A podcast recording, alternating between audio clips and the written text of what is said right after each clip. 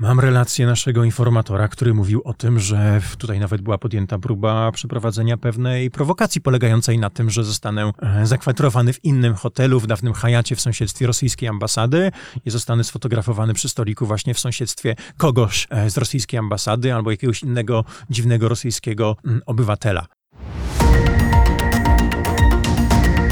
Machina władzy. Błażej Makarewicz, Machina Władzy, dzień dobry. Kilka dni temu Gazeta Wyborcza opisała sprawę rzekomych podsłuchów w hotelach należących do polskiego holdingu hotelowego. Z ustaleń dziennika wynika, że za podsłuchami stoją polskie służby, a ich celem mieli być politycy opozycji i pracownicy organizacji pozarządowych. Jedną z osób podsłuchiwanych miał być działacz Fundacji Otwarty Dialog Bartosz Kramek, który jest dzisiaj gościem Machiny Władzy w Radiu Z. Dzień dobry. Dzień dobry, panie redaktorze. Kiedy był pan podsłuchiwany? Jakie to były okoliczności? No i wreszcie, jakie ma pan dowody, że, że takie zdarzenie miało miejsce? Według relacji naszego informatora, sygnalisty, chociaż do prokuratury zgłosić się nie mógł. Z wiadomych względów pewnie by to wiele nie przyniosło rezultatu, dlatego może pozostańmy przy określeniu informator. E, chodziło tutaj o jesień 2019 roku, a przynajmniej wtedy to się e, zaczęło. I wiadomo, że wtedy doszło do rozmowy prezesa Polskiego Holdingu Hotelowego, niejakiego pana Kristesku, e, z informatorem Robertem Z, który wtedy był został, pracownikiem tego Był pracownikiem, był dyrektorem do spraw bezpieczeństwa w tej spółce i został wysłany do e, Macieja Wąsika, który bardzo entuzjastycznie zareagował i umówił się z nim, że już e, we współpracy z funkcjonariuszami ABW będą takie działania e, prowadzone. Także mówimy o jesieni e, 2019 roku i takie są źródła informacji, poparte jeszcze oczywiście tym, że w ostatnich tygodniach ukazały się z tej serii maile Dworczyka kolejne fragmenty korespondencji e, udostępnione przez e, poufną rozmowę i tam między innymi widzieliśmy wiadomość e, wysłaną przez tegoż pana Kristesku do Joachima e, Brudzińskiego, gdzie z kolei chodziło o inwigilację w sąsiednim hotelu, też na terenie lotniska Okęcie i chodziło o inwigilację Światłany Cichanowskiej, polityków opozycji Platformy Obywatelskiej, którzy w tym spotkaniu brali udział. I to było takie drugie źródło, które tutaj kontekstowo uwiarygodniło też relacje naszego informatora i stąd też się wzięła publikacja Wojtka Czuchnowskiego w Gazecie Wyborczej. Na ten moment mogę wstępnie ujawnić, że e, mamy już też innych e, świadków, e, którzy się pojawili, ale jeszcze nie mogę też mówić o szczegółach. Ale dotyczy to pańskiej sprawy? Dotyczy to mojej sprawy. Być może również innych, ale powiedzmy, że o swojej tutaj wiem więcej. A jakie to były okoliczności ten 2019 rok? Okoliczności. Czy pan pamięta? Z grubsza pamiętam. Okoliczności były takie, że kilka razy się zatrzymałem w tym e, hotelu, natomiast szerszy kontekst jest e, tego typu, że począwszy od lipca 2017 roku mamy na pieńku, e, tak obrazowo mówiąc, e, z obecną jeszcze władzą e, polityczną, prawda, czyli z rządem Prawa i Sprawiedliwości i w tych realiach e, gdzieś tam się spotykamy. W sądach są różne postępowania, które nam wytoczono, które my też wytoczyliśmy w obronie naszych dóbr osobistych. W 2019 roku poznali, pozwaliśmy e, pana Macieja Wąsika, e, ponieważ imputował, że jesteśmy ruską agenturą, kolokwialnie mówiąc, bierzemy jakąś lewą kasę, e, w związku z czym też niedawno, jesienią ubiegłego roku, wygraliśmy ten proces w pierwszej instancji i też z tego, co mówi nasz informator, takie pobudki nie tylko partyjne, prawda, bo ta partia, ta władza nas nie lubi, ale też czysto osobiste, czyli spór cywilny, sądowy z nami, ze mną między innymi i naszą fundacją, też tutaj odegrały rolę, jeżeli chodzi o jego motywację. A jak wygląda pańska sprawa? Te, mam na myśli te zarzuty z... To był chyba 2021 Lublin, rok. słynny tak? prokurator Ziarkiewicz prowadzi sprawę Giertycha, Pawła Wojtunika, byłego szefa CBA, Jakuba Karnowskiego, czyli sprawa PKP Cargo i generalnie nie mam do tej pory aktu oskarżenia. Być może coś się pojawi. aresztowany w 2021 Byłem aresztowany, byłem zatrzymany. To jest też bardzo ciekawe, ponieważ chodziło o moją spółkę, o tak naprawdę niewielkie przedsiębiorstwo i jakieś historie sprzed e, ponad e, 10 lat, dotyczące właśnie transakcji, które moja spółka zawierała z zagranicznymi podmiotami, w związku z czym toczyło się śledztwo przez wiele lat i to śledztwo też proszę zwrócić uwagę, ono zostało wszczęte no właśnie wtedy, kiedy ja opublikowałem tak zwany plan na Majdan w Polsce, co trochę jest takim publicystycznym określeniem i przesadą. Był to taki plan zebranie pomysłów na obywatelskie nieposłuszeństwo w obronie sądownictwa, 17 właśnie rok i wtedy oczywiście cała ta machina państwowa e, się rozkręca i między innymi też prokuratura tutaj śledztwo zaczyna prowadzić i w 21 roku, to już prawie dwa lata, e, dostaje nagle zarzuty, no i w okolicznościach takich, że właśnie zgarniają mnie agenci e, ABW, nie wiem, gdzie tu jest bezpieczeństwo państwa, tak, nawet w rozumieniu jakiegoś interesu ekonomicznego, no to chyba nie ta służba, nie ta skala działalności, niemniej jednak wparowało do mnie kilku bardzo miłych panów oficerów, zostałem odeskortowany do, przez nich do, do Chociaż Lublina. tyle dobrego, że byli mili. Tak, tyle dobrego, że byli mili, sympatyczni. E, do prokuratury regionalnej tam się dowiedziałem, że e, jeżeli się nie zgodzę na współpracę, od razu się nie przyznam, e, no to spędzę noc na, na dołku i może zmienię zdanie. No, zdania oczywiście nie zmieniłem. Rzeczywiście prokurator skierował wniosek o areszt tymczasowy. Areszt został zamieniony na kaucję, natomiast też koincydencja była ciekawa taka, że dzień przed moim zatrzymaniem zmieniło się prawo i sprzeciw prokuratora od takiej decyzji sądu powodował, że taki delikwent jak ja, czyli podejrzany, e, musiał spędzić czas e, w areszcie do czasu rozpatrzenia tego sprzeciwu przez sąd drugiej instancji, ponieważ były wakacje, to trochę potrwało i rzeczywiście po trzech tygodniach ten sprzeciw przez e, Sąd Okręgowy w Lublinie został uchylony.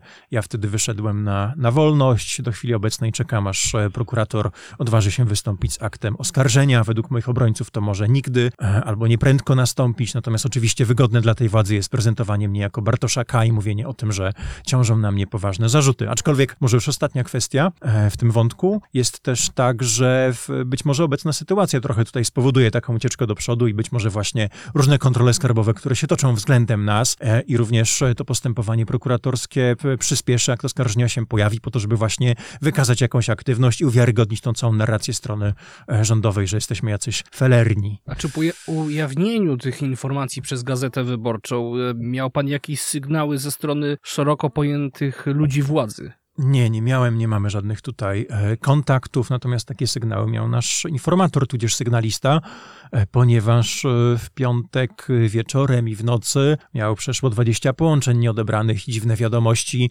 które sugerowały mu, żeby popełnił samobójstwo, o czym też chyba dzisiaj jeszcze wyborcza w wydaniu papierowym donosiła. Także to były sygnały i też z tego, co wiemy, do niego się różne dziwne osoby zaczęły zgłaszać, także tutaj jest ta presja. No dobrze, ale powiedzmy sobie w ten sposób, czy, czy pan ma dzisiaj, dysponuje pan dowodami, że był pan podsłuchiwany w 19 roku, czy jedynie wie pan o tym, że były jakieś zakusy na to, żeby pana podsłuchiwać? Mam relację naszego informatora, który mówił o tym, że tutaj nawet była podjęta próba przeprowadzenia pewnej prowokacji polegającej na tym, że zostanę e, zakwaterowany w innym hotelu, w dawnym Hayacie w sąsiedztwie rosyjskiej ambasady i zostanę sfotografowany przy stoliku właśnie w sąsiedztwie kogoś e, z rosyjskiej ambasady albo jakiegoś innego dziwnego rosyjskiego mm, obywatela. E, I to zostanie wykorzystane potem przez, wiadomo, media tak zwane publiczne, po to, żeby tę ich narrację odnośnie mnie I to nie nas doszło podeprzeć. Do skutku. to nie doszło do skutku, natomiast e, wiadomo o tym, że właśnie ci agenci ABW kontaktowali się z informatorem, że miały być instalowane w urządzeniach podsłuchowe, że informator był proszony też, gdyby funkcjonariusze nie mieli takiej możliwości o to, żeby z racji zajmowanego stanowiska, bo on też za te kontakty ze służbami odpowiadał, szukać w moim pokoju hotelowym strzykawek, zużytych prezerwatyw, nie wiem, jakichś opakowań po różnych innych, nie wiem, dziwnych rzeczach, także to były tego rodzaju historie. To była Postępowanie dowodowe to oczywiście powinna prokuratura w, przeprowadzić. Ja w zeszłym tygodniu e, złożyłem takie zawiadomienie i znowuż parafrazując, no, czy odnosząc się do prezesa Kaczyńskiego pytanie, czy się znajdzie odważny prokurator. To była jednorazowa sytuacja, czy ma pan informację, że takich przypadków mogło być więcej? No pan trochę Kilkukrotnie. Była mowa o tym, że kilka razy byłem w tym hotelu i przynajmniej jeżeli chodzi o jesień, to mam takie informacje, że wtedy takie akcje mogły mieć e, miejsce. Polski holding hotelowy wydał oświadczenie, w którym bardzo zdecydowanie zaprzecza, jakoby takie procedery miały miejsce na terenie obiektów należących do firmy. Doprecyzowałbym, jeśli pan redaktor pozwoli, ponieważ polski holding zaprzecza zdecydowanie, ale w taki sposób dosyć e, ciekawy. To znaczy e, podkreśla, że jakakolwiek współpraca ze służbami, jeżeli się odbywa, a, czyli tego nie neguje, że taka współpraca mogła mieć miejsce i miewa, miewa pewnie od, czas, od czasu do czasu, to się odbywa na podstawie obowiązujących przepisów e, prawa. Więc to jest pierwsza kwestia. A druga kwestia jest taka, że spółka PHH podkreśliła w tym swoim oświadczeniu, że jeżeli jakakolwiek, jakiekolwiek nielegalne działania, w domyśle inwigilacja, były prowadzone przez byłego pracownika spółki, czyli Roberta Z., no to spółka za nie nie ponosi odpowiedzialności. Czyli no, to chyba nie jest takie do końca zaprzeczenie, że żadnej inwigilacji tutaj nie było. Tak, ale jaka jest wiarygodność tego człowieka? No bo Holding twierdzi, że on prowadzi jakąś prywatną vendetę, dlatego że dlatego rozpowszechnia nieprawdziwe informacje, no bo miał kolokwialnie mówiąc na pięku z firmą wcześniej. Tego nie wiem, nie mam tutaj wiedzy na temat. To znaczy mam wiedzę, ale nie mam takiej wiedzy, jak to spółka prezentuje, więc no tutaj nie mogę jednoznacznie e, zaprzeczyć, czy, czy też potwierdzić tego, czy tam jest rzeczywiście jakiś spór finansowy. Według informacji, które posiadam, chodziło chyba trochę o co innego, jeżeli o, te, o tych źródłach konfliktu mówimy tego pana e, ze swoim byłym pracodawcą. Natomiast e, niezależnie od jego motywacji, nawet gdyby przyjąć takie założenie, że ona nie do końca jest taka, powiedzmy, tutaj moralna i, i czysta, że chodziło o to, żeby tutaj mnie poinformować o tych niegodnych, powiedzmy, działaniach i bezprawnych, które się toczyły, no to czy to wyklucza ewentualnie, e, że taki stan faktyczny, jak on prezentuje, miał tutaj miejsce? I nie, w takim ale... razie, co znaczą też e, maile wysyłane przez pana Kristesku do Jachima Brudzińskiego bez żadnego trybu? No tak, ale lekarz sanitarny i tak tutaj, dalej. Odnosimy się tutaj do e, maili ujawnionych przez portal poufna e, rozmowa e, i wiem, że no do, tych, do tej korespondencji rządzący się nie odnoszą, e, mając jakieś tam swoje powody, swoje uwarunkowania, więc trudno też no, jakby wchodzić mi w dyskusję nad tymi mailami, w związku z tym, że jedna strona kompletnie to Być może jest to bardzo wymowne milczenie i tutaj zwrócę ja uwagę... Ja tego też nie wykluczam zupełnie. Oczywiście, zwrócę uwagę, że w, no, zbieg okoliczności byłby też przedziwny, prawda? Z jednej strony jest informator, który mówi o takich historiach, a potem się ukazują maile, które no niejako tutaj właśnie pokazują z drugiej strony, od strony właśnie Kristesku e, i jego politycznego patrona, jaki tutaj jest przepływ informacji, to chyba trochę uwiarygadnia jego relację, że to już nie jest jedno źródło, ale też e, drugie. No, czyli teraz, dla pana to jest wiarygodna osoba. Tak, na ile tutaj potrafię to ocenić, nie jestem oczywiście ekspertem, psychologiem, nie znamy się bardzo długo, wiemy na pewno, że jest to osoba, która jest e, autentycznie byłym pracownikiem tej spółki, bardzo bliskim współpracownikiem pana Macieja Wąsika. Internet jest pełen zdjęć, filmów, gdzie ci panowie też tutaj e, występują w takiej e, zażyłej e, komitywie, też również inni prominentni pisowcy, tak mówiąc bardzo oględnie, włącznie z byłą premier Szydło, premierem Morawieckim. To też pokazywali się w tej, w tej okolicy, z której pochodzi pan, pan Robert, razem z nim na różnych, powiedzmy, imprezach partyjnych i lokalnych uroczystościach. Także tutaj nie ma wątpliwości i też został prześwietlony przez znajomych dziennikarzy, jeżeli chodzi o ten background na pewno jest tym, za kogo się e, podaje. I też e, wymowne milczenie. E, kolejny aspekt, zwrócę uwagę, że w tej nawet sprawie nie ma żadnego dementi ani Maciej Wąsik, ani Joachim Brudziński, ani pan Żaryn, e, rzecznik e, właśnie służb e, i pana Kamińskiego też tutaj nie zabrał głosu, chociaż są bombardowani przez dziennikarzy właśnie prośbami o zajęcie jakiegoś stanowiska. Słuchasz podcastu Radia Z. No to jest taka swoista kontynuacja tej linii, która była przyjęta podczas właśnie maili Dworczyka, tak mi się wydaje. Chociaż wtedy była informacja, że nie będą tutaj komentować rosyjskiej narracji, prawda, i tego wiarygadniać, więc no powiedzmy, okej, okay, jakieś koślawe, ale jednak wytłumaczenie, a tutaj mamy całkowite nabranie wody w usta. Złożył pan doniesienie do prokuratory na Macieja Wąsika, wiceszefa MSWiA oraz Joachima Brudzińskiego. E, już pan wyjaśnił mniej więcej, dlaczego akurat te dwa nazwiska przejawiają się w tej sprawie, czy są jeszcze jakieś inne związane z obozem władzy, o których pan już dzisiaj wie i może pan powiedzieć, że na przykład jakieś kolejne zawiadomienia, doniesienia będą. No jeżeli to w uzupełnieniu prawdopodobnie tego zawiadomienia, które już poszło, tutaj tak naprawdę prokurator nie jest, e, czy pani prokurator, zobaczymy, e, kto to będzie prowadził, związany, związana mm, też tymi tezami, które wyłożyliśmy w zawiadomieniu. I ten katalog zarzutów może zostać poszerzony i na inne osoby i też kwalifikacja prawna też może być e, szersza. Tutaj oczywiście najbardziej się narzuca to nadużycie władzy, taka recydywa, jeżeli chodzi o pana e, Kręcika, Kręcika, przepraszam, Wąsika, przepraszam, inne nazwisko, pomyłka. Natomiast e, jeżeli chodzi o inne osoby, które w ten proceder były zamieszane, ta spółka jest bardzo ciekawa i nieprzypadkowa. To jest trochę taki desant szczeciński na Warszawę, e, ponieważ no, to jest matecznik pana Brudzińskiego i pana Kristesku, ale też e, żona pana Szefernakera, również sekretarza stanu w MSWiA, jest dyrektorką do spraw komunikacji w tej, w tej spółce. Także sami swoi, pan Kristesku też z skądinąd wiadomo, są to oficjalne informacje, wpłacał kilkudziesięciotysięczne kwoty na e, fundusz wyborczy mm, Joachima Brudzińskiego w wyborach do Parlamentu Europejskiego w 2019 roku. I tutaj jest pełno tego rodzaju powiązań i tak jak mówiłem, nawet prześledzenie mediów społecznościowych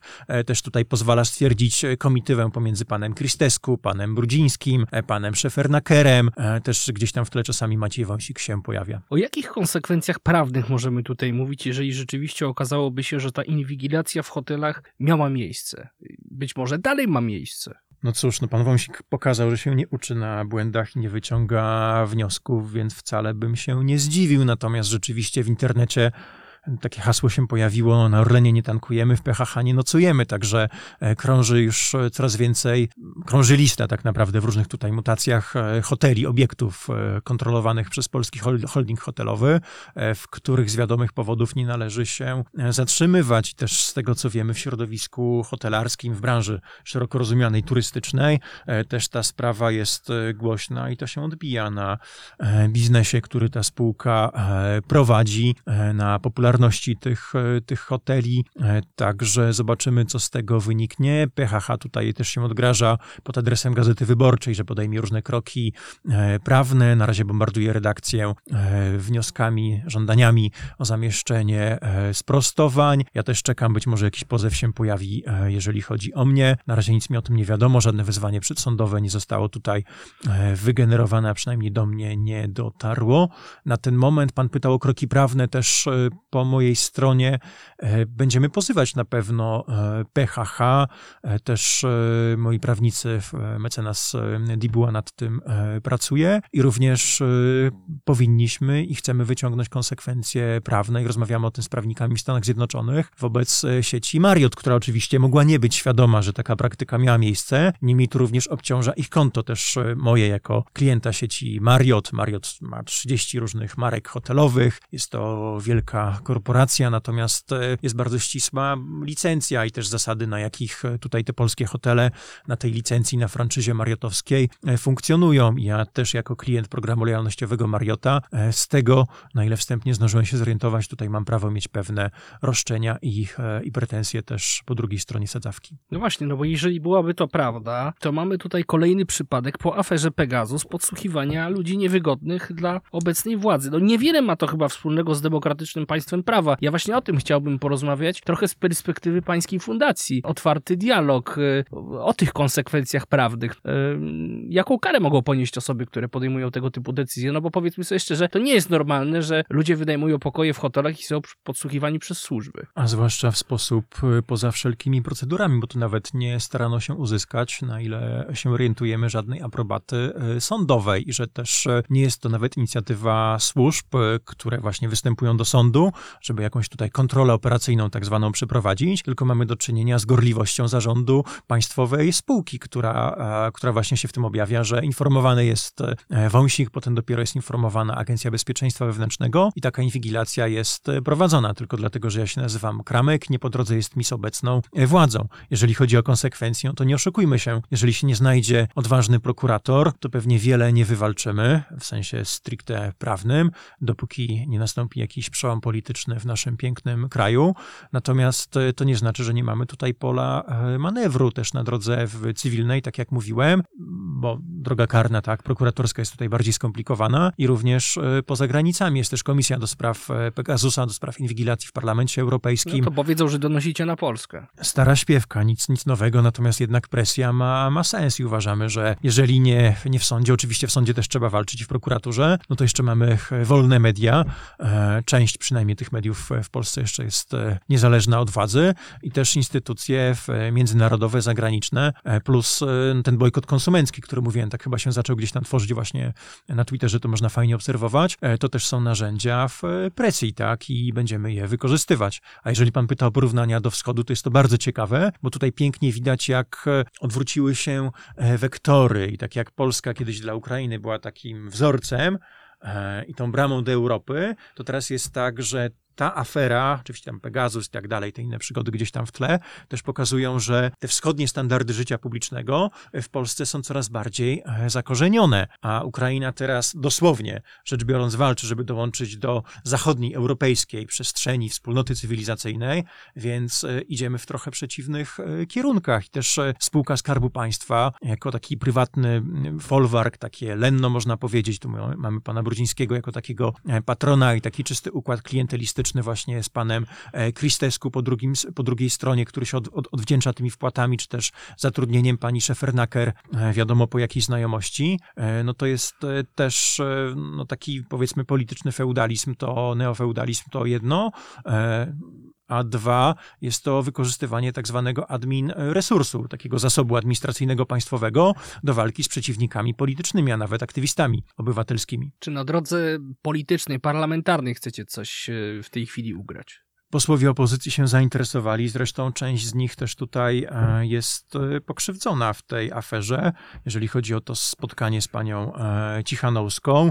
Odbyło się w piątek e, spotkanie w Sejmie właśnie e, informatora z posłami opozycji. E, również mamy deklarację, że Komisja Służb Specjalnych, że tutaj może zostać zwołane posiedzenie przez posłów opozycyjnych i również w Senacie jest Komisja do Spraw Inwigilacji Opozycji, także to są te gremia parlamentarne, które mają się teraz tą sprawą zajmować. Co z tego wyniknie?